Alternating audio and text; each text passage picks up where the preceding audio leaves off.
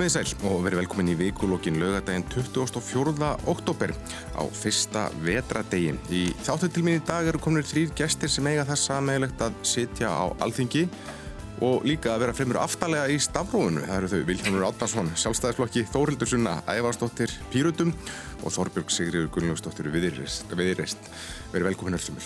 Takk, takk. Um, við skulum byrja bara á jarðhræringum. Jörðin skalf og nötraði í vikunni og alþingi fór ekki varhluta af því eins og fræktir orðið myndir af viðbröðum þeirra Helgar Haps Gunnarssonar og Stengrimsjó Sigfússonar í skjáltanum vöktu mikla aðtekli en hvaða mikkur um voru þið í, í þingsal þegar skjáltan reyði yfir? Nei, ég var nú á, á skjáltasæðinu Grindavík akkurat og, og kannski bara sem betur fer að því að ég held að það sé örgasta svæði í þessum jarðhræningum í dag Já. að því að sko skjáltin virðist hafa verið aðeins öðruðstíð þar þetta voru meiri svona bylgjur þannig ég var eins og ég var í hermi hérna svona maður vissi ekki hvað átt maður fór næst en þessi miklu hristingur og titringur og, og þetta högg það kom ekki þarna Nei. en svo vil ég líka bara benda á það það kom fram hann eftir þetta að það verður aldrei neitt það stór eða svona mikil áhrif af skjált á reikinni sem brúta hvernig jarðskorpan er þar öðru sér samsett þannig að þetta verður ekki þessi sumu högg og þessi stóru hérna, en það er samt betur að fara að valega mm -hmm. og svo líka annað að nú eru við vaktast að svæði þannig að öll augu er á okkur, allir mælarnir og við erum búin að gera alla viðbrasáallanir þannig að ég bara finnst mér að vera langu örgastur í Grindavík Þorbjörg. Sko mér leiti alltaf eins og landráðamanni að því ég misti á þessum skjálta Já. ég var í bíl á melli funda og fann ekki fyrir neinu. Ég er að vísu þekkt fyrir það að vera svona ekki okkar allar besti bílstjóri Um, en já, ég misti af honum. Mm. og mér leði svolítið svona eins og eitthvað hefur verið tekið frá mér. Já. sá um kvölda voru allir að segja sína raunir, hvar varstu stattur það væri svona nánast eins og hvar varstu það Kennedy var skotin. Ég var í bíl og misti af þessu. Já, einmitt, en Þórildur Já, ég hef alltaf mist af skjáltum ég hef vennilega verið erlendis út af bara hverju sem er að þegar það hafa reyðið yfir svona stóri skjálta sem allir eru að tala um og hefur einmitt liðið svolítið svona FOMO eins og mér finnst mm. Þorbjörg verið að lýsa hérna en, en í þetta skiptið var ég heima hjá mér uh, í Mósfellsbæ og ég áttaði mig ekki alveg strax á hvað væri í gangi. Það, ég hugsaði nokkra aðra hluti áður en að ég hugsaði í jarðskjálti ég hugsaði hvort það væri komin einhver risavaksund grafa í gardin hjá mér eða hvort það væri búið að eiga sér stað eitthvað svona sprenging. Það væri verið að spreng, það er alls konar framkvæmdur í gangi kring hjá mér og svona. Uh, þannig að ég var alveg svolítið lengi að kveikja en Já. kvolpurinn minn, hún Freyja hún var hins vegar búin að kveikja sko vel áður en þetta gerðist. Og ég var að mitt að furða mig á sko, hvað hún væri eitthvað skrítin, hún var ylfra svona væl eitthvað og hún á, hún á ekkert að sér að vera væla nema maður sé búin að stinga inn í búr til að fara að sofa sko. Þannig að ég var einmitt að velta fyrir mér hvaða væri sem að vera ángrana og svo gerist þetta og eftir á það átt að ég máði að þetta hefði verið í jarðskjálti og að hún freyja hérna hafi verið svona æsti við því. Já. En sem betur fyrr, eins og Vilhelm segir að það var þetta ekki uh, mjög stór, eða þetta var alveg stæðilega stór Já. skjálti en hann var sem betur fyrr ekki alvarlegur að því leitinu til að það var lítið um um skemmti svona miða við og náttúrulega ekkert mandjón sem er bara mjög gott, þannig að við getum bara skemmt okkur við að hlæja hann um Helga Já. í staðin og haft gaman að því. En hann var náttúrulega bara að gera það sem honum var Já. mér finnst þetta, mér er búið að finna svona pínu rugglandi svo við að lesa eitthvað leiðbyrningar almannavarna um já, hvað maður á að gera, þú ert að halda kyrri fyrir en samt eitthvað neginn að undraverðan hátt að koma stundi borð. Mhm. Og ég veit ekki alveg hvernig maður á að gera eða bæði. dýragætti eins og hann gerir. Já, í dýragætt eins og hann gerði og fólk hefur verið að tala um að maður eigi ekki að fara í dýragætt lengur, lengur vegna þess að þá skellist að mann hurði og ég er bara vittnum það þegar ég verði í þessum þingsal marg ofta það er engin hurði í þessari dýragætt sem maður fór í. Um, En ég var líka velta að- mig hvort þetta væri eitthvað svona gamli og nýji skólinn í pólitíkinni, hvort maður geti lesið eitthvað. Maður sér að stengur með fórsöku Já. Já, Ég en hann ekki, er náttúrulega jarðfræðingur sko. hann, hann var bara í kennslustund. En svo er líka bara að spotta kannski rísavöksnu einhver ljósakrónu að hristast fyrir ofan sig. Ég veit ekki hvort mér hefði staðið á sama heldur sko. En það var einu sem gerist sem með mér.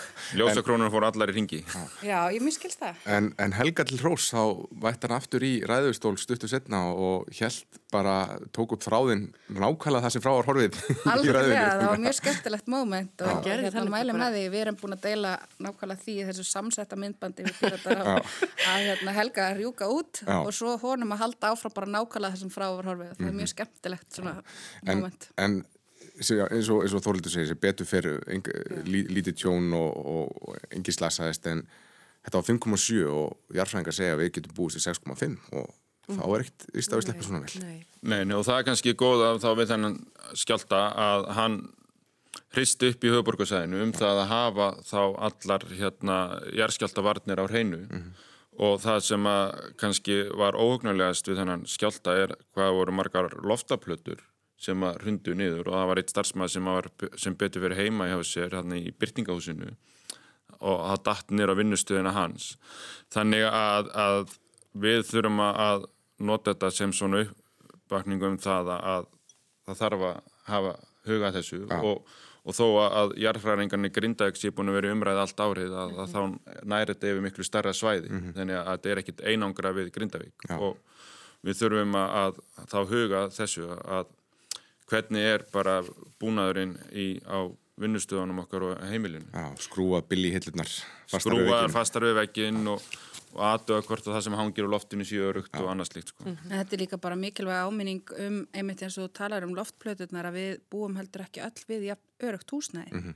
Og unnustu minn hann er frá Pólandi og segir mér að mjög mikið af svona hans samfélagi hafi upplifað einmitt þetta þakplötur veginn eða þessi, þessi hólf hrinja af því að þau búa bara í húsnæði sem er ekki ásætnilegt, er ekki örugt og það segir okkur bara sitt hvað líka um kannski miskiptinguna í samfélaginu. Ekki heyri ég þetta í kringum mig að það hafi verið að rinja úr þakinu hjá fólki sko.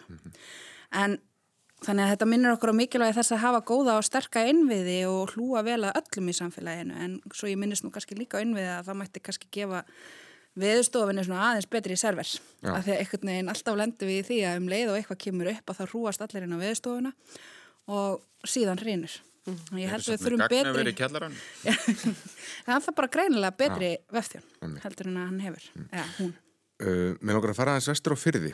Uh, Fristiskipinu Júliusu Germinsinni því var stýrt í landa á Ísafjörði í vikunni eftir að uppkom smittar um borð og síðan þá, þá hefur teiknast upp, já bara hálger hryllingsmynd. Svóttin virðist það að vera að grassera um borð vikum saman, þrátt fyrir tilmæli læknis um að, að þau eru eftir að fara í land. Sjómunum var neitað um sínatöku, margir rótið mjög veikir, en haldið að vinnu, verkja að lifa skortum skamti og forgangsraðað á þá sem voru allra veikastir og áhöfninni banna að ræði þetta við nokkurt mann að fjölskyldu sína Þorbjörg, þú varst saksóknari svo að það leikur beint við að spyrja má þetta?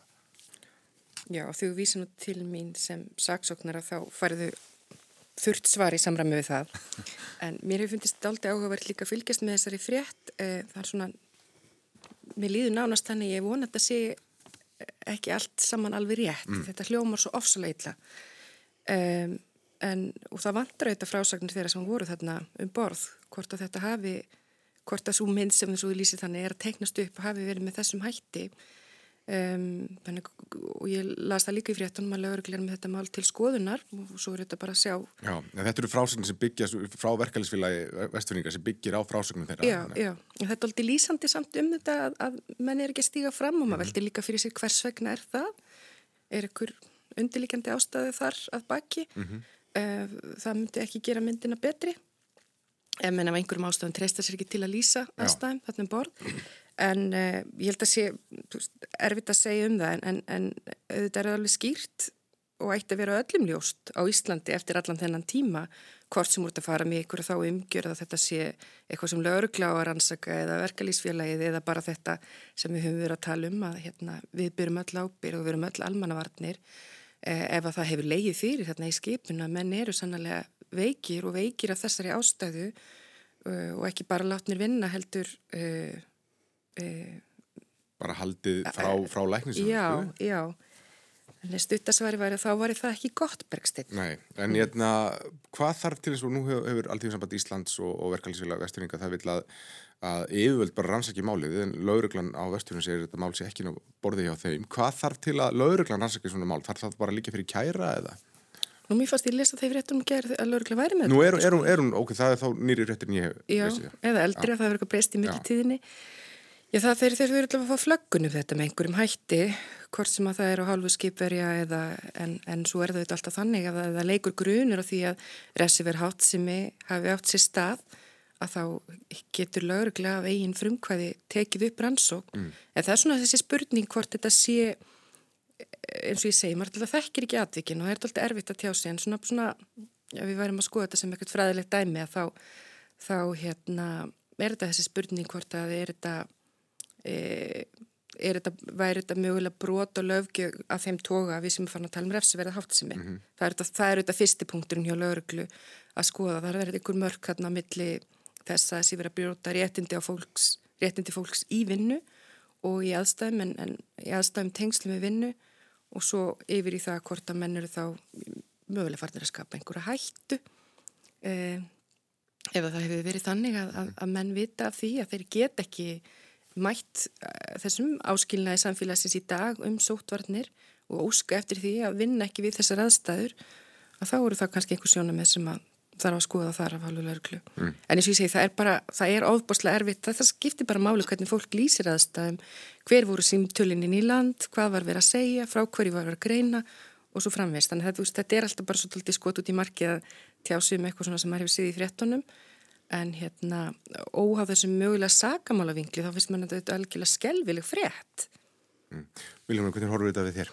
Já, ég tek bara undir það að manni líður hálf bara maður verið ónót yfir að heyra þenn, og ímynda sér þess að aðstæðir sem að sjómyndinir hafa verið í og, og þarna um borð og eins og Þorbjörg segir sko, þá vonar maður að þetta sé ekki allt rétt og, en, en en það er allavega einhver potubrótin þarna sem er ekki gott. Og að því að ég hef orðið varfið það í gegnum hann að faraldur hvernig aðrar útgerir hafa verið að taka vel á þessu og sjómurinnir hafa komið til móts við útgerina til þess að sé hægt að halda úti hérna veiðum. Þá hafa útgerðinar beðu um borð og stitt inniveru eða hafa sjómurinnir sko, komið til móts við útgerðinar og útgerðinar hafa þá á móti komið silt mjög hrætt í land, við þekkjum það um bátunum okkar í Grindavík og fleira mm. til að mhm. taka þess að síni og, og þeir eru líka með þá reglu og hafa gert það alveg fyrir upphæfi faraldusins, gert allt þess að senda alla áöfnunni sínatöku áðunum fara út á sjó. Mm -hmm.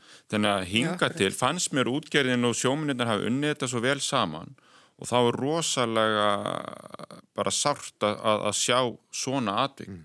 Hér, hér fyrir báturinn sko að skipi fyrir land á sunnudag, landar Uh, sendi menn í sínastöku og leggja það að staða aftur út ára niðurstöðunar eru komnar og fari ekki land fyrir en það, það er komast, koma í ákvæðar. Já og, og það er svolítið skrítið að þeir komi í land og þá verðast einhverju búin að vera einhver veikind í gangi og vita sko. Þannig að ég bara hérna, vist að vann og komið að landi sko. Akkur þeir veiku fóru þá allan ekki minnst að kosti frá borði og annað slíkt. Þannig að... -hmm. að og þess að við botar svona dramatísku upplýsingur um að verkjalifin um borð hafi ekki duga til og Já, þetta lítur út fyrir því að það hafi einhvern veginn verið tekinn einhver ágrunnu upphafi meðan ástandi var kannski ekki orðið mm. það slæmt og svo hafi verið erfitt að bakka út af þeirri ágrunnu og, og, og einhvern veginn ég bara, maður áttast ekki á þessu mm. því maður veit þetta bara úr fjölmjölum mm -hmm.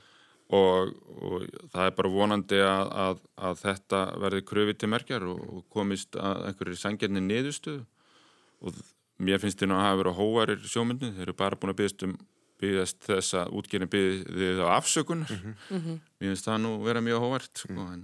Þoruldur, hvað séu þú um þetta mál? Þetta hljóman alltaf bara eins og einhver hryllingsaga frá því fyrir hundra árum síðan þessar aðstæður og þessi þessi framkoma og veginn, þetta viðhorf gagvart sjómanana sem eru saðir hafa endur tekið beðum að fá að fara í landi sína döggu, eru þarna veikir og þeim er haldið nauðugum í vinnu og eru ekki frálsi ferða sinna. Þetta er náttúrulega bara hræðileg saga sem er að teiknast hérna upp fyrir okkur mm. og mér finnst nöðsulegt og eðlilegt að lauruglan skoði þessar alvarlegu ásækanir. Ég menna við höfum líka ákvaði í hegningalögum um að, að hver sá sem að stopna lífi og helsu annara í hættu með gróðarsjóna með að vopni að, að það sé rafsverst aðtafi og mér finnst það velkoma til skoðunar hér með að við þessar frásagnir sem við höfum heyrt. Mm -hmm. Þannig að við veitum átt ekki að vera svona og það kemur óvart líka að að fyrirtæki eins og Gunvar sem ég skilst að njóti bara mikillar velvildar í heimahögum skuli koma svona fram með starfsfólki sitt ef að satt reynist, þannig að mm. þetta er bara mjög ryggilegt og ég vona að þetta verið rannsakall hlítar. Mm, svo er sem þessi þögn núna að sjóminn vil ekki stíga fram og ég menna er eitthvað annað en einhver ákomótti sem ræði það fyrir? Nú skal ég ekki segja hvers vegna þeir eru ekki að tjási, ég mm. held að þeir bara beri ábyrð þá því sjálfur að koma fram með það ekki en auðvitað hefur maður skinnjað svona ákveðna kannski menningu sérstaklega í kringu sjómennskuna að það sé ekki litið svona góðum augum á það að sjómenn eða aðri sé að tjá sig mikið um svona það sem, mig, það sem betur mætti fara mm -hmm. í sinni stjætt mm -hmm. og ég hef alveg hýrta frá mörgum sjómennum að það sé svona hamlandi eitthvað neginn hvernig þið með að tjá sig og hvað er með að segja án þess að óttast það að missa jafnvel vinnuna mm -hmm. og vera jafnvel útlökaður frá vinnu annar staðar. Mhm. Þetta er svona þetta típiska hérna, uppljóstrara vandamál sem við búum við en það er verið að taka á því í enga geran mm -hmm. og það er þá yeah. eitthvað fyrir verkalýs uh, hreyfinguna á staðnum og bara á landsvísu að taka á ef það er mögulega ástæðan að því ég held að það sé mikilvægt fyrir þá sem að voru þarna um borð og hérna, fjölskyldur þeirra og aðstandendur en, líka bara okkur öll að það er svona liggi fyrir hvað gerðist þarna og með hvað hætti þessi svona atbyrðast teiknast upp og Já. þá kannski líka í samvikið sem þú ert að nefna, í samvikið við þess að þú ert að nefna Vilhelmur að Þetta eru ekki sögurnar sem við höfum fram til þessa heyrt og ég held að það hegi nú við um flestar atvinnugurinn er einmitt að menn hafa verið að geta sín og, og passa sig að þetta er, væri svo og er svo ljótt frávik frá því eins og þetta eins og við lesum þetta í fjölmjölum. Mm. Já, já, það getur líka verið margar ástæði fyrir að menn vil líka tjóðsig, sko. Við verum aftur að því að, að þetta er lítið samfélag fyrir vestan og, og hérna þannig að þú vilt kannski ekki vera person að gera þig út frá því og, og, og svo eru ekki að skipta skoðanir í samfélaginu með útgjörðina og, og ístu annað þannig að þú vilt ekki fara að blanda inn í það en svo er samfélagin borð enn minna sko. mm -hmm. og en, en kannski sem að og ég held að, að það sé bara rétt hjá sjómanunum að leifa verkalisfélaginu bara mm -hmm. sem samnefnari fyrir þá að sjáum þessa umfjöllun og svo náttúrulega bara sóttarna hérna læknir eða sótvarna ráð staðarins mm. á líka að taka þannig að ég held að, að, að það sé algjör óþarf að sjómenninni fara að tjá sig í fjölmjölum að því að eins og hérna við þekkjum öll að það er bara ekkit neitt físilegu kostur fyrir fólk að fara að mæta í fjölmjölu út af einhverjum málum og persónu gera sig mm. og hvað þá bæði út af sínum veikindum og sínum aðstæðanum og sínum vinnuveitanda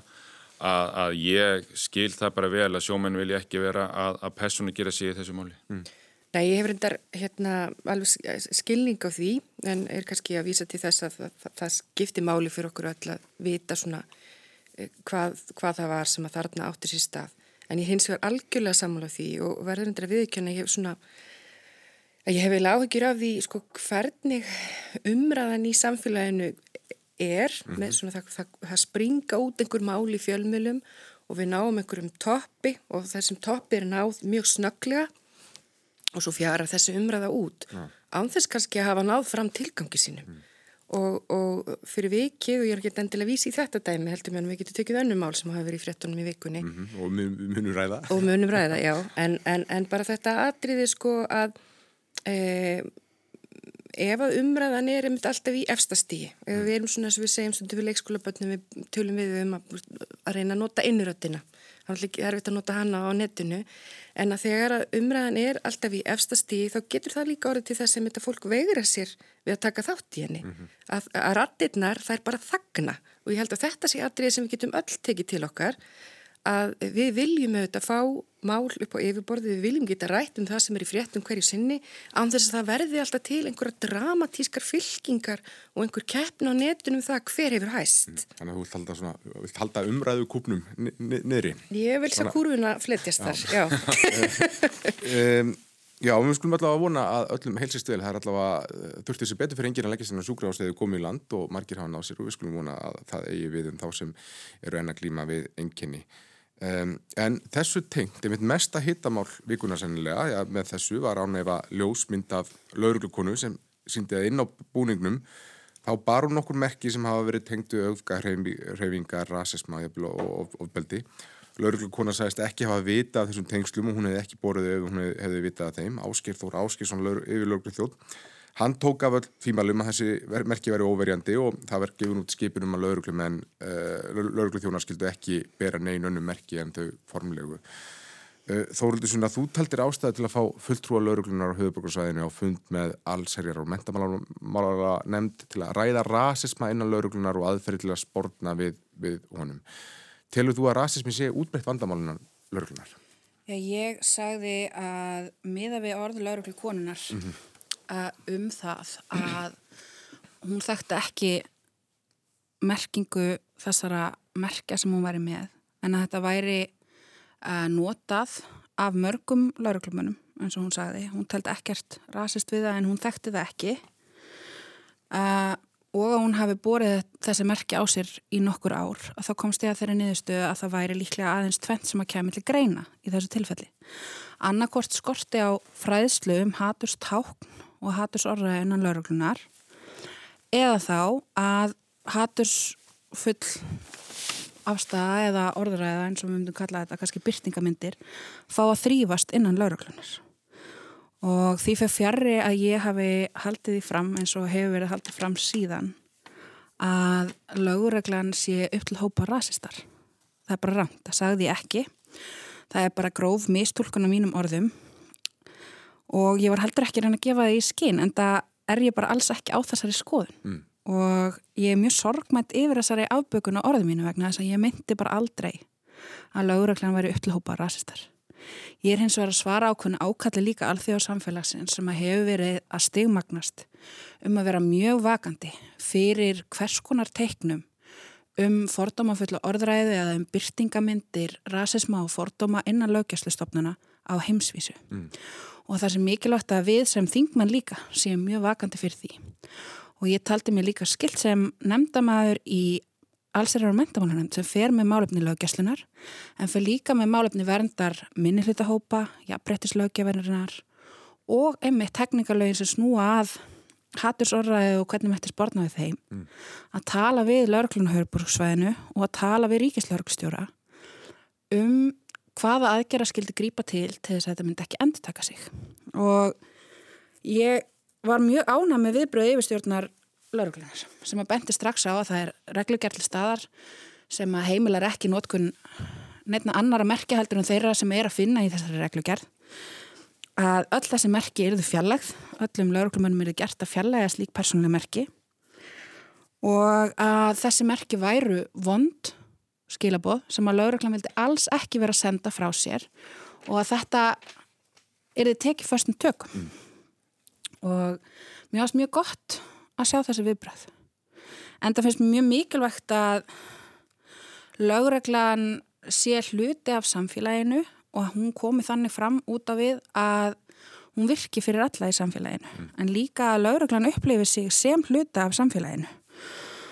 Og Eithór, afsaki, Eirún Eithórsdóttir, lektor í lauruglufræðum, hún hefur bent á, hún óttist einmitt að þessi byrstingamind þessara merkja gætu valdið ótta hjá minnirhjóttahópum. Mm og ég bara tek undir þær, þær áhyggjur og ég tek líka undir þær áhyggjur að, að svona merkjasendingar um lauruglu sem eitthvað svona aðgreinda frá borgurunum um eitthvað svona þunnabláa línu sem að aðskilju samfélagi frá því að nýga út í eitthvað svona anarki um, ég skila þetta samstöðu takk lauruglunar og ég skila að, að fyrir þeim því er þetta eitthvað allt annað heldur en kannski ég og aðrir upplöfum í kringum þetta. En ég held að það sé ótrúlega mikilvægt að þessi stjætt sem að sinni svona mikilvægu starfi í framlínni, hún upplýðir sér sem hluta samfélaginu hluta starri held sem að grýpur gerendur og þólendur, það eru salfræðingar, það eru slökkviliðsmenn, það eru sjúkraflutningamenn, það eru svo margir frábærar einstaklingar í framlýninu sem er að sinna þessari bláu þunnu línu og þau eru ekki einn. En ég skil verið laurugluna fyrir að upplefa þessi eina vegna þess að það hefur bara verið að gerast ár eftir ár að það er þrengt að lauruglunni fjárhagslega og þeir eru færri hlutvarslega heldur en þeir voru og það er skiljalegt að þeir upplifið sér svolítið einangra frá samfélaginu en það er þetta viðmót sem að ég hef áhyggjur af og mér langar að spella við lauruglur um hvernig við spórnum gegn hvernig við svona heilum um, þetta við þarf að það séu við gegn þeim eða við og þau og eitthvað svo leiði sem að var svolítið að byrtast í bæði viðbröðum laurugluna svo eftir á í kjálfarið Uh, og sömulegis með þessum merkjasendingum. Það er svona veldum en áhyggjum að við séum ekki upplega okkur sem eina heilt í samfélaginu og lögurlega sem mikilvæg hlekkur í keðið þar sem við erum alls saman heldur að þau séu einhvern veginn einangruð og þurfa að verja sig. Það veldur bara, það veldur svona skadlegum held ég hugsunarhætti um nöðsum þess að beita valdi um nöðsum þess að verja sig í staðin fyrir að, að vernda samfélagið saman mm. Viljum við nú þú lögurlega þóttni fyrra lífi hvernig, hvernig horfur það málið þér? Já, ég tek nú bara algjörl undir það sem að Þorbjörg segið ná, þannig að þarna fór kurvan allt og hratt, allt og hátt upp sko og, og hérna og ég vil benda á það að það er ekkert sem bendir til þess að einhverjir hafi hérna orðið fyrir þessari upplifun af hendur lauruglunar út af þessum merkjaburði eða, eða út af hérna einhverju öðru sem lauruglunni er gert þar sem þetta er nú þryggjára gömul mynd og, og þannig að þetta hefur ekkert komið upp og annað að og það, ég held að þetta sé ekki út, ég held að sé ekki neitt hlutaslega margir lauruglumenn sem voru með þessi merki mm. en þá skulle líka hafa hérna og ástæðan fyrir að þessi merki byrtust á myndinu var það að, að það var ekki rent að vestun, þetta mm. er innan klæðamerki og að Þannig að, að, að það er ekkert sem bendir til rasisma eða einhverja svona meiningar hjá lauruglunum með þetta. Og það er hér að tala um fræðslu, jú, kannski eru, hérna, hafi ekki allir lauruglumenni verið meðvitaður um breytingu og merkningunum eða, vist, eða voru ekki búin að kafa djúft í, í alþjóða meiningar þessar merki eða öðrum og átt að sjá því að samfélagi á Íslandi er náttúrulega búin að breytast mjög hratt. Mm. og, og með þannig góða lauruglumann þess að lauruglukonu sem er hún er náttúrulega búin lengi í lauruglunni og talandi um minnilutahópa sko, þá er hún einmitt sko að hún er bara heiður skilið. Hún er nú með, voru ekki margar konur í lauruglunni þegar hún byrjar og búin að vera akkurat í göttinu og vera mjög lengi sko þannig að hún er náttúrulega einmitt búin að fá að upplifa ansi margt í þessum breytingum á samfélaginu sjálf hér að, að að það er alltaf fáarkonu lauruglunni en þeim hefur verið fjölga en það hafa stoppast upp við annars líkt. Þannig að, en það sem er búið að breytast frá því að hún byrjaði er það að við erum búin að færa lauruglunámið inn í háskólana og það er búið að setja hérna inn í námsefni bæði í endumentuninni og inn í grunnnáminu gríðarlega mikið. Og ég fór sjálfur í gegnum það þegar ég fór í laurugluskólan 2006 þá er búið að auka siðfræði kjensluna og fjölmenningarsamfélagsins. Það kom hérna með þess að prestur innflytjand og annað og var með okkur í mörgum tímum og annað hjá okkur. Þannig að lauruglan hefur verið að breyðast við þessu þannig að ég held að það skort ekki alveg á fræðsluna en lauruglumenn er um 700 talsins mm. og, og, og það er kannski ekki alltaf hægt að ná til allra og, og fræða alla um alla í þessu þannig að Ég held að lauruglan bara læri svolítið að þessu og þetta skapur umræðina og þessi umræð hefur búið fræðamarka. Ég hefði viljað sjá að, að, að þessi mynd hefði staðin fyrir að fara í byrtingu og þessa ofsamfengnu umræðu og netinu að það hefði bara verið haft samband við yfirstjórn lauruglan og spurja hvort þetta samramist þeirra reglum og þá hefði hún haft tækifæri til þess að laga það án þess að þurfa að fara í þessa háu umræðukurvi. Sko. Ég hefði talið það vænlegra. Sko. En er ástæði fyrir fulltrú og lauruglunar á höfuborgarsvæðinu og koma á fund til dæmis allsherjar og mentamálum nefndar og bara fara yfir þetta mál? Já sko, mér finnst ekkert að því að, að lauruglan komi og upplýsi alþingi um hvernig hún er að vinna hérna sínum ál og hvernig hún er að undirbúa sér til að takast á við breyttu samfélagi og opnara samfélagi og, og fjölbreytta samfélagi. Þannig að ég sé ekkert að því og, og samt það er þá bara hérna það er bara gott tækifæri fyrir lauruglun að auka tröstitt kakvart alþingi að upplýsa þau góðu stöð sem hún er að vinna. Mm. Akkurat. Uh, Þorbjörg, aftur, þú var saksóknari og hefur kannski einhverja insýnin í stöðnarögnu þar. Hvernig, ja, hvað segir þú myndum all? Já, ég myndi nú kannski bara að byrja að taka undir með Vilhjálmi hvað það varðar að sko, eh, mér finnst bara eðlilegt og sjálfsagt að þetta samtal einmitt fá eigi sér stað innan nefndaralþingi sem að hefur með löggjæslinu að gera svona eins og Þórildur Sunna var að koma inn á. Því að hérna e, auðvitað skiptir það máli ekki bara kerfi virki heldur að það upplifun almennings og borgarinn í landinu sé að svo sé mm -hmm. og þessi merki sem við, við sjáum þau auðvitað á bráði hvaða umræðu merkin framkvölliðu að hérna það er auðvitað ekki gott að vera að, að laurugla sé að bera merk eins og þessi og mér fannst mjög jákvæmt að sjá í byrjun hversu afdráttalös laurugla var um það að þetta, það er ákveðin búningur sem að lauruglan ber það eru þetta örgisatriði fyrir laurugluna sjálfa að vera mert en það er líka ákveðin signar eða það er ákveðin skilabóð út í samfélagsins um það að það er ekki persóna sem að gengur heldur þetta er ákveð hlutverk. Það er alveg eins og með dómara inn í, í dómsal, saksóknara í, í fínu skikkinu sinni að um leið og klæðist þessum búningi þá ertu í ákveðinu hlutverki og því fylgja ákveðina skildur og þú áttu þetta að forðast það á allan mögulega hátt að framkalla einhver þau hughrif að fólk e, sé að rýna eitthvað eða geti rýnt eitthvað í þínar persónlu skoðanir. Og ég ætla ekki að hafa skoðanu því þekki það ekki hvað e, þessari lauruglukonu gekk til með þessu, hún er auðvitað útskýrt það og hún er beðist afsökunar með svona máli hvað hana var þar bara lokið með því.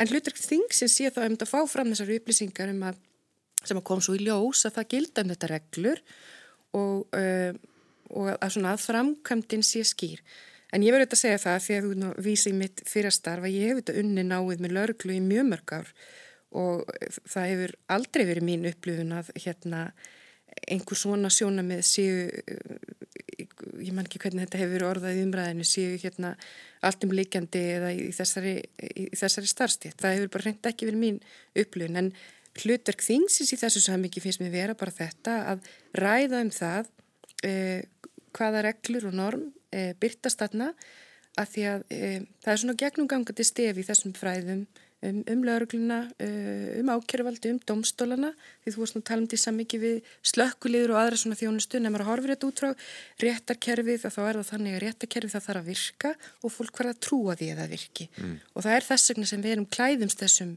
búningum og, og förum í svona ákveðin hlutverð og þú talar ekki um því fyrstu personu í domsala því þú ert að representera þar eh, og ert í ákveðinu hlutverki, þetta er hlutur af því og það er bara mjög vond að eh, svona eh, að það sé einhver merki í gangi sem að gefi fólki ástæði til að draga það í efa. Mm. Því það eru alveg þekkt í bandaríkjörnum til dæmis að sum þessara merki hafa þetta skýrskotun sem er reynd ekki heppileg í ja. þessu starfi mm.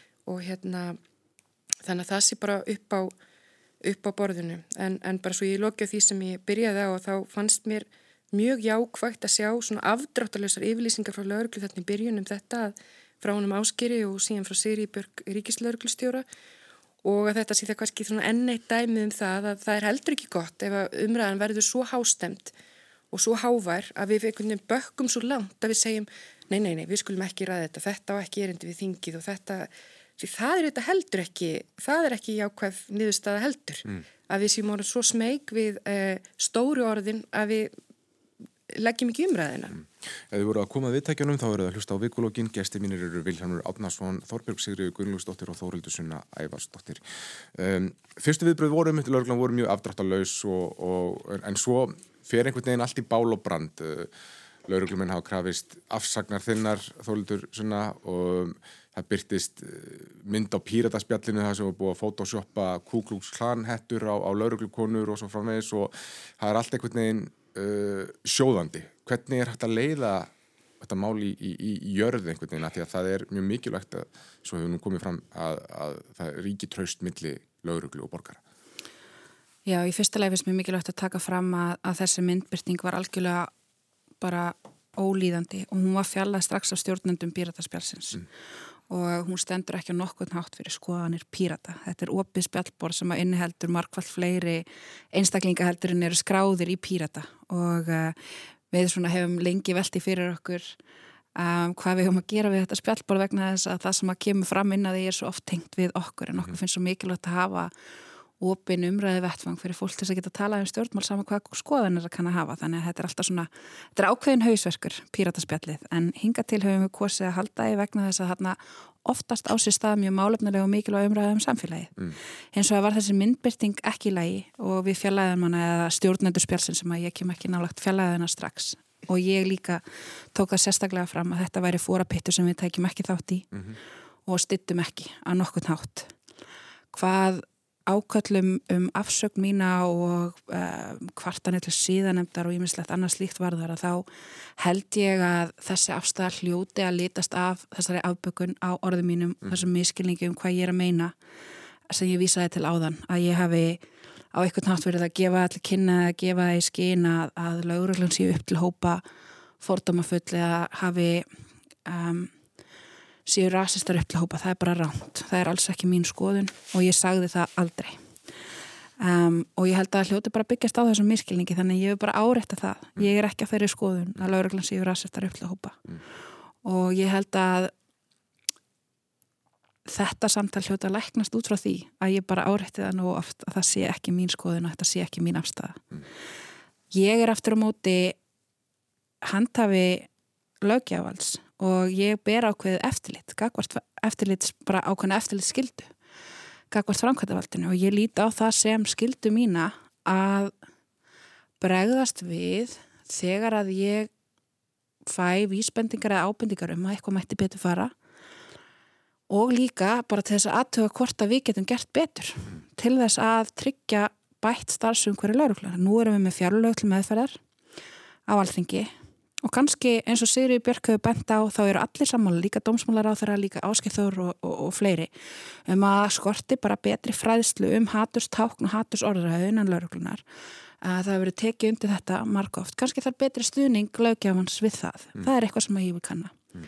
Uh, ég fagnaði líka að það er talað um að það þurfa að breyta reglugjörð. Ég myndi vilja heyra frá ráð þeirra hvernig hún ætlar að breyta þessari reglugjörð til þess að þessi skýrara að það kom ekki til greina að vera með hvers konar persónleg einkennist tákna og einkennist búningi lauruglumanna vegna þess að það er mjög mikilvægt að lauruglan eins og Þorbjörg var að segja á þann virki hlutlaus og sé í þessum hlutlausa búningi og skoðanan lauruglumann sem sjálfsög ekki settar utan á búningarnar til þess að allir getur upplifað sig geta gengið að laurugluna og jafninga grundvöli mm.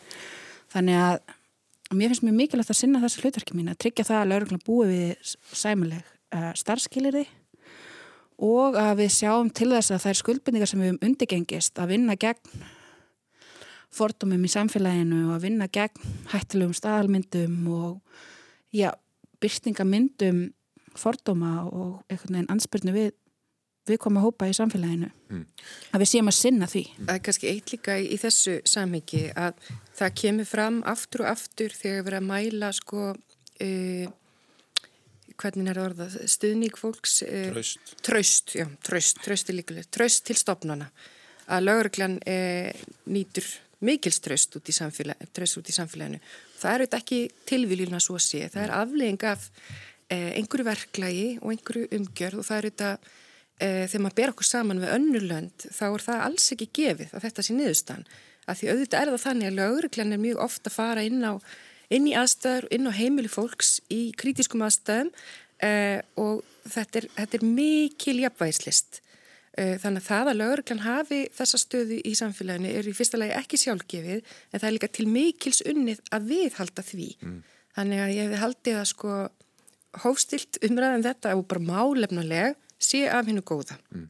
Uh, Vilhelmur, margir lauruglumenn sem kannilega upplifa þetta sem árás á sig og þeim finnst þið verið vanþakláttu starfi og, og, og þvíun um líkt viðbröðun eftir þessu upphæflegu viðbröð frá, frá áskeri um, voru þau einmitt að fara fram á afsögn Þórildarsunnu uh, og svo, svo heyrðið maður fréttir að því að menn væri að skipuleika einhvern svona mótmæli með því að setja þann, uh, þessa þunnu bláu línu í Facebook profilmyndur og svo leiðis voru þetta skynsum viðbröð?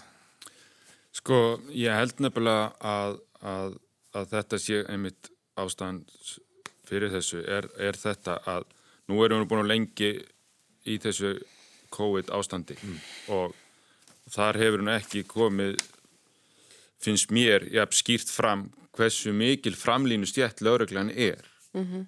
ha, eins og allar að heina framlínu stjættunar og mikið tala um helbriðskerfi en, en mikið af þessu er lögreglan og lögreglan sem er ekki að koma inn að COVID-smittum í vendu umhverju og annað slíkt. Og, og svo er það hitt að lauruglumennum er rosalega mikið mun um að halda þessu trösti mm -hmm. trösti er nummer 1, 2 og 3 hjá hérna, lauruglumennum þannig að, að, að undir þessu álægi og, þessum, og þessari umræðana að þá, þá skilja alveg vel að þeir bregðist hratt við þegar þeir ráðist svona á það og, og að þeim finnst og þeir hérna og þeim finnst að margir og þá er ég ekki að vísa í þóruldu sunni ég er að tala um bara umræðina á netinu sem fór á stað hvað allir voru fljótir að dæma alla laurugluna og laurugluna og mér fannst líka mjög mjög vond hvernig þetta var persónu gert Vist, ég saði hérna áðan að mér þótti of hrattast að fari með að berta myndina og, vist, og, spurja ofinbjörlega hvernig mm. þetta var og þá akkurat með personu lauruglumannsins mm. að því að eins og Þorbi kom inn að búningurinn er til þess að personu gera lauruglan ekki sko.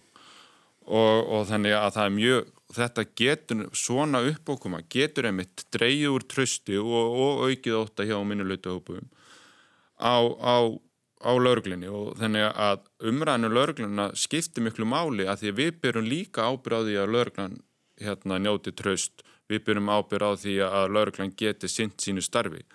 Og ég fann það alveg með en ég starfa inn á lauruglunar að innflytjendur og, og, og fólk frá öðru löndum, það, það var alls ekki að treysta lauruglunni og mjög hrætt við laurugluna og annað slíkt. Nei og þess vegna þarf þetta að passa þetta, að það sé ekki Já. þínu fari Akkurat, þess vegna verður að passa það, en þá vil ég benda á það að við erum árið miklu meira fjölmenningasamfélag og, og, og innflytnindur eins og þar sem ég vann síðast eru yfir 25% af samfélaginu á Reykjanesi þar sem ég, ég vann samt er lögurlega að halda svo miklu trösti mm. þó að það sé að koma inn stórir hópar og flytja til landsins sem að treysta ekki lögurlega í sína heimalandi en þá er lauruglan að halda tröstinu hér á landi. Mm. Þannig að, að ég get ekki síðan annað en að lauruglan hafi synt sínu hlutverki vel og þetta, ég tel að þetta einstaka atvik sé ekki að kalla á breytingar einhverjar reglugerðum eða einhvern aukinu fræðslu út af því að núna þegar það var upplýst um það að það væri mismunandi hérna, tólkanir á þessum merkjum sem eru borin innanklæða, ekki utanabúningnum innanklæða, að þá bara sögðu lögum, ok, herru, við skulum bara taka merkin og það er búin að taka merkin, þannig að, að, að það er ekkit vandamál til staðar þannig og að það er hérna, það er búin að auka fræðslu um hattusklæpi, fræðslu um allt þetta jæmt og þétt og ég fór sjálfur gegnum það en það er búin að auka það síðan þá. En svo þurfum við þá bara að setjast niður núna. Er hægt á eitthvað sambarlegt komið upp á eða er eitthvað sem getur gert betur? Og það er bara alltaf lauruglan verður að gera það alltaf með allt, hvort sem við hattusklæpir eða eitthvað annað, getur við gert eitthvað betur í okkar störfum og hvernig samfélag þróast og við hefum alltaf verið að skoða það. Mm. uh, Mér nokkar að fara hans í aðra salma, kannski ekki alveg ótengda en það eru sótvarnaraðgerir uh, Það kom upp nokkur álitamáli vikunni. Í fyrsta lagi þegar ráð þeirra gaf út reglugjörð sem heimilaði líkafsættastöðum að opna fyrir hóptíma. En í tilmælinu sótvartanlæknis var vara við því að líkafsættastöðar eru opnar því, því það mætti reykja mörg smitt til þeirra og ráð þeirra útskýrið þetta snýrist um jafnræðisreglu en eins og Þórólfur Guðnarsson sótvartanlæknin kom inn á í gær þá allir þetta, þetta misræmi óróa í samfélaginu. Þetta er ekki gott þegar svona gerist eða hvað.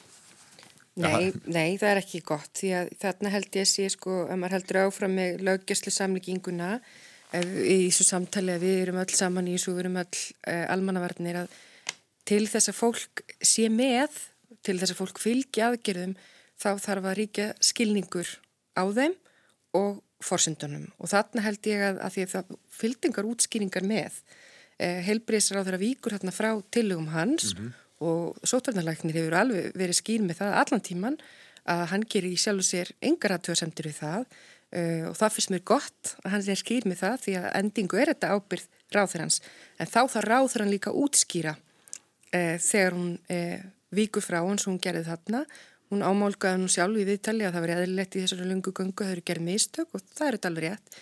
En ég held þetta sínit alltaf fram á það að, að Núna þegar að, uh, við erum ekki sprett, það er orðið ljóst að við erum ekki sprettlöpi, þetta er mikið langklöp, við erum öllarum þreytt, við erum öllarum pyrruð, þetta tröflar okkar daglega líf að þá þarf, þá þarf það að vera alveg skýrt þegar erum að eiga við reglurnar hvað við erum að gera og, og hver merkingin er að baki. En þessu tengtu held ég líka sko þegar sem við ekki verið að ræðum valdmörk sko sóttornalegnis og ráþura mm -hmm.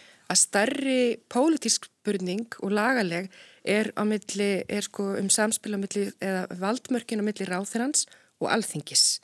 Því auðvitað er þannig með þessar sótvarnar aðgerðir að það er verið að breðast hratt við og yfirvöld þurfa að hafa sveianleikan til þess.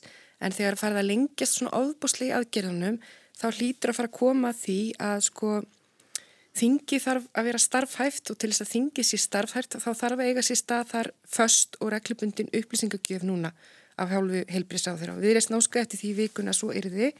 Auðvitað er það ekki þannig að þessi mál hafi ekki verið til umræðu en sko hlutverk lögjafans er þetta að sitja almenna reglur sem að gilda í almennum aðstæðum og jæmt fyrir alla og við þekkjum það allt saman. En hitt stóra hlutverk þingsins er ekki bara heimil til eftirlit, selta það er rík skilda mm. á þinginu að, að hafa eftirlit með framkvæmdavaldinu. Það er talað um að núna þessi árið tímabært að endur sko að sótvanarlegin, ég sammála því. Um, það er alveg eðlilegt að lög sem voru sett 97 þegar að sko COVID var eins og eitthvað sem hefði geta verið úr bíómynd um, að það sé þá gert núna og mér finnst það sérstakt að það sé ekki ofar á forganslista stjórnarinnar að skýra hugtökun svo sótt kví og svo, og svo framvis að það, það er þá leikill að því líka að fólk haldi áfram að vera að við séum saminuð í þessari vegferð en, en mér hefur fundist eftir, sérstaklega eftir því sem á líður að ríkistjórnin sé ekki sína meira frumkvæði í mm. samtali um mm. sóttvarnar aðgerinnar inn í þingi um, samtalið eðla hefur verið mjög mikið um þessar efnaðsaðgerir en nú séu komin á þann stað að, að þingi verður að fá verkfærin til að geta synd eftirlitslutverki sínu.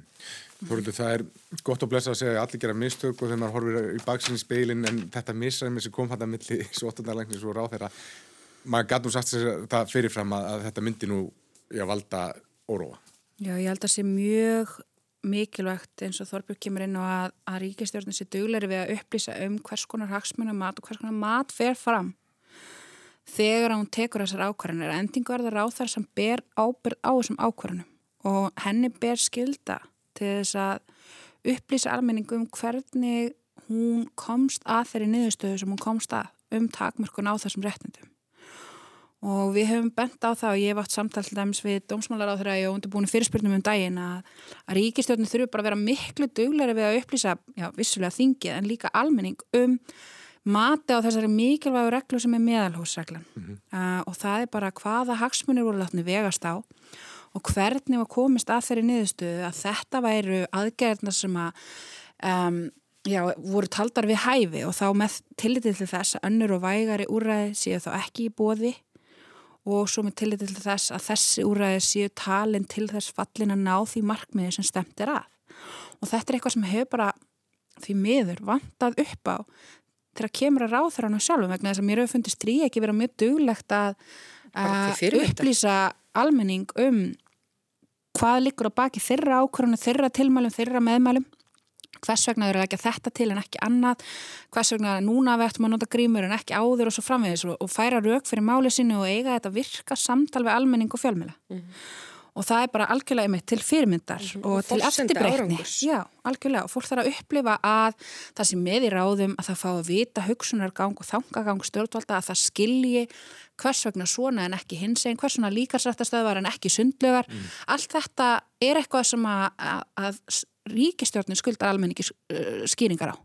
Vegna þess að hún bera endingu ábyrða á þessum uh, ákvörunum hún er stjórnvaldi sem að ræður þessu og hefur þessu valdheimildir og þarf þar að leiðandi að vera í mjög opnu og skilverku samtali við almenning og líka við þingið. Og svo er það hitt með lagaheimildir og svona skýrleika lagaheimilda fyrir dæmis það að setja fólk í sótkví og ég myndi þannig að það er auðvitað mjög bagalegt mm. ef það er ekki skýr laga grundvöldu fyrir það til dæmis verða að sekta fólk fyrir brota sótkví ef það er ekki skýr grunnu fyrir því þá þarf alþingi að bregðast við mm. og ég held að það sé svona það varp upp ákveðnum ákveðnum svona já þessu sem við erum svo lengi bent á sem er að, að þingið er eitthvað neginn ekki nógu stert þegar kemur það sinni eigin frumkvæða skildi að setja lög um vegna þess að við reyðum okkur allt og mikið á sérfræði kunnáttuna innan ráðunnitisins og býðum eftir að fá eitthvað frumverð frá ráðherranum frekar heldur hann að taka upp að eigin frumkvæði þá hluti sem að þarf að laga. Og nú heyrum við að umbásmaður alþingis sé að skoða þetta um, hvort að það séu til, fyrir hendi alla lagaheimildi sem þurfi. Við heyrum að, að danska þingi var mjög fljótt að setja upp ákveðin lagapakka sem að tryggði það að það væru sannlega að trygga lagaheimildi fyrir öllum aðgerðin stjórnvalda og ég held að við ætlum að taka þau okkur til fyrirmyndar og rína það bara með hraði hvort að séu nógu sterk sterkur lagalegu grunn vegna þess að við búum í réttaríki mér finnst að því miður stundu glemast á Íslandi hvaða er mikilvægt að hafa það í hávegum að ríkisvaldið geti aldrei beitt þegnana, ég er þannig svo mjög ljótt orð núna, borgarana þvingandi aðgerðum á þess að hafa fyrir því skýra lagaheimild í lögum. Mm. Og, og það er eitthvað sem við þurfum að samanast um að tryggja þá ef við erum sammála og við hljóttum öll að vera sammála um að það sé mikilvægt að vinna gegn þessari vá. Já, en í því sambandi hjartanlega sammála því og það sér tímabært eftir þennan tíma að rýna þessa lögjöf, hvað þýðir svo hví lagalega merkingu og, og, og skerpa á, á því um, og það sé þá þessi spurningum lögumæti aðgerða en Mér finnst það líka því að núna stígandi umræðinu um mannrýttindahliðina á mhm. þessu að það, það er gott og það er jákvægt en hún má ekki vera of þröng um, að því að það eru auðvitað þannig að þegar að vástað var, við erum að horfa á vá, uh, að þá er þetta líka þannig að á ríkinu kvílir ákveðin skilda, skilda til aðgerða, ekki bara heimildir. Þannig að það er aftur þessi jafnvægislist sko að hérna, ég hugsa við stæðum frammi fyrir öðru samtali ef við byggjum í einhverju ímynduðu ríki þar sem að e, til engra aðgerða hefur verið gripið. Mm. Að það þarf að vera einhver balansir í því því það eru þetta, ef maður fyrir bara í hæ, hæ, harðan hægri haug þá er það þetta frum skilda ríkisins að, að verja borgarana um, og að hérna það þurfu þá að taka, taka þetta samtalum sko réttin að verja líf og heilbriði e, og síðan út frá því hvernig ætlum við að gera það og þá eru við að tala um meðalhófið og þá eru við að tala um jafnbræði, þá eru við að tala um það að sumir hópar eru útsettari en aðrir, e, sumar atvinnugreinar þóla þingra högg en aðrar. Ég er endar þeirra skoðanir að við ætlum að fara í e, harðar sótvarnaraðgerðir að þá þurfu það líka að vera alveg skýrt að ríkisins hálfu að þeim fylgi uh, harðar efnahagsaðgerðir mm. uh, og, og það sé hlut af, já, að það, að það sé hlut af því að tryggja þessa samstöðu. Mm. En það er ekki bara það, það þarf líka að venda viðkvæma hópa sem eru að verða mjög illa úti. Við sjáum að heimilisofbeld er að aukast og við óttumst að geðran vandamál sé að aukast líka mm -hmm. og svo framvegis og þetta er eitthvað sem við verðum að fylgjast mjög vel og það er, með og það er þetta meðalhóp sem ég var að vísa í. Uh, Vilhelmur, þú ert nú í stjórnanliðinu, tekur undir þessa gaggrinni á upplýsingagjöf frá ráðurum og, og gagsægi? Ég, sko, ég vil á þetta þannig, sko, að eins og hér hefur komið fram og ég, allir eru sammálum að, að þrýiki hefur staðið sér gríðarlega vel og, og þau hafa hérna verið með upplýst og raukstita og, og tekið réttar ákvarðin. Mm -hmm. En nú er þetta bara orðið svo langur ferill og það sem er búið að koma í ljós er það að það er formið á bakvið þetta hvernig ákvarðinu teknar sem að er þá aðeins að bresta núna og, og þá sé ég að þannig að sóttáðnalagnir er læknir og takast á í vána og komið með ráðleggingar í því. Hann er ekki lögfræðingur eða stjórnsýslufræðingur eða annað slíkt.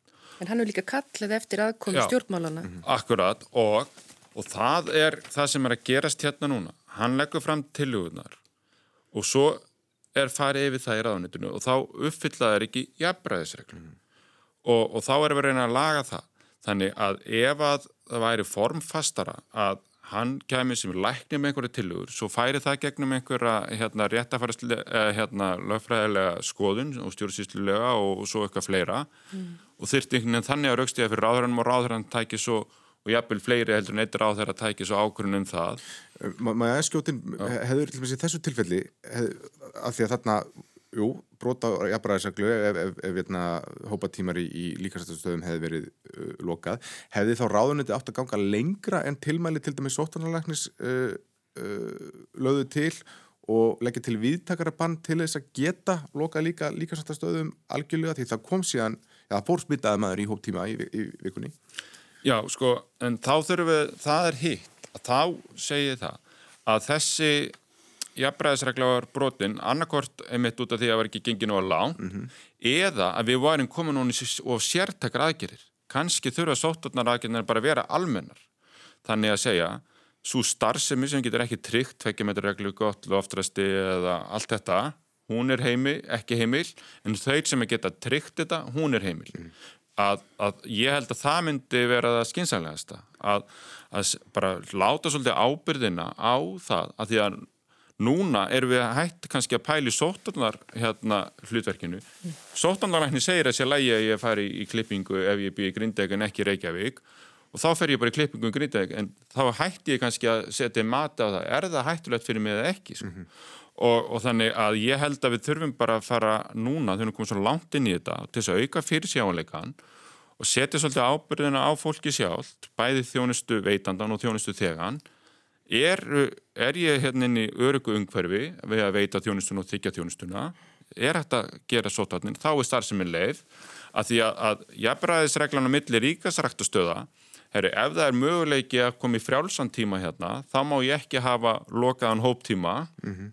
það var, var misræmið sem að hérna, ráðniti talti sig verið að loka. Mm -hmm. en svo er kannski bannað að fara í einhverja hérna, hálskeran sem að getur alveg uppfyllt sömu að þannig er orðið önnur jafnbræðisregla á milli starfskreina. Mm. Þetta kom líka allt bara fram eftir á. Já. Þegar fólk verið að spyrja og, og þá kemur ykkur útskýring um jafnbreðsreglu en þá spyrjum við um þetta jafnbreða millir hverra. Mm -hmm. Akkurat. Og, og, og hérna... Ég, og ég segi það bara að, að sko það er svo erfitt verið að setja þetta nefnir greinar. Vist, jú, þetta kom upp á pöpum og líkansrættustöðu núna fyrst komið upp hjá snirtifræðingum svo einhver tíman hérna svo er þetta komið inn í heilbyrðistjónustuna núna þannig að það þýr ekki verið allt þetta svona, við þurfum bara að hafa almenna reglur. Nei, og heilbrísir á það að taka samtækt. Það þarf að vera mjög skýrt. Já. Hvers vegna svona ákvarðinir eru teknar og ákvarða grundvelli? Mm. Þetta eru mikið völundarhúsin þar að ratum og máðu þetta taka fram að það voru líkasættastöðar sem lokuðu algjörlega þrátt fyrir þessi tilmæli mm -hmm. og þannig að, að, að menn sína vissulega ábyrð. Um, Tíminu að hljópa frá okkur, örstutt í lokin, hvað ætlaði að gera um helgina? Vilhelmur? Herðu, ég ætla bara að vera heima í föguru Grindavíkinni og njóta hérna, njóta helgarannar með fjölskyldunni og reyna að, að, að slappa af. Svo erum við að fara í Norrlandaráða eftir helgi og hann er maður kannski aðeins hefur hérna hugan við það, undirbúið sig þar og svo kemur við kjörtamavika. Æsi spennandi, Þorbjörg. Já, hvennafrítagurinn var mér ofalega í huga, Já. þannig að ég er alltaf að gefa sjálfur mér frí Já. og hérna er að láta útbúa fyrir mig hátísmatt. Mjög spennandi. Mm. Þóruldur? Það hljóma mjög kósi. Ég finnum kannski einmitt að láta gera það fyrir mig líka. Uh, ég hugsa að ég eði helginni með unnustanum mínum og kvolpunum og mögulega kettinum með hún er til ég að tala við okkur. Hún er svolítið fúl yfir því að við höfum náð okkur í lítinn sefferhundin á heimilið, við erum svona að reyna að sætta sjóna með þarna Einmitt. og við erum líka að, að reyna að fá hana til þess að hætta að býta allt mögulegt sem hún kemst í, sérstaklega klósettpappir. Gangið vel með það. Takk fyrir komin á Þóruldur Sunna, Þór, Þórbjörg Sigriður og Vilhelm Ráðnarsson og hafið það gott um helgina. Takk, takk. takk.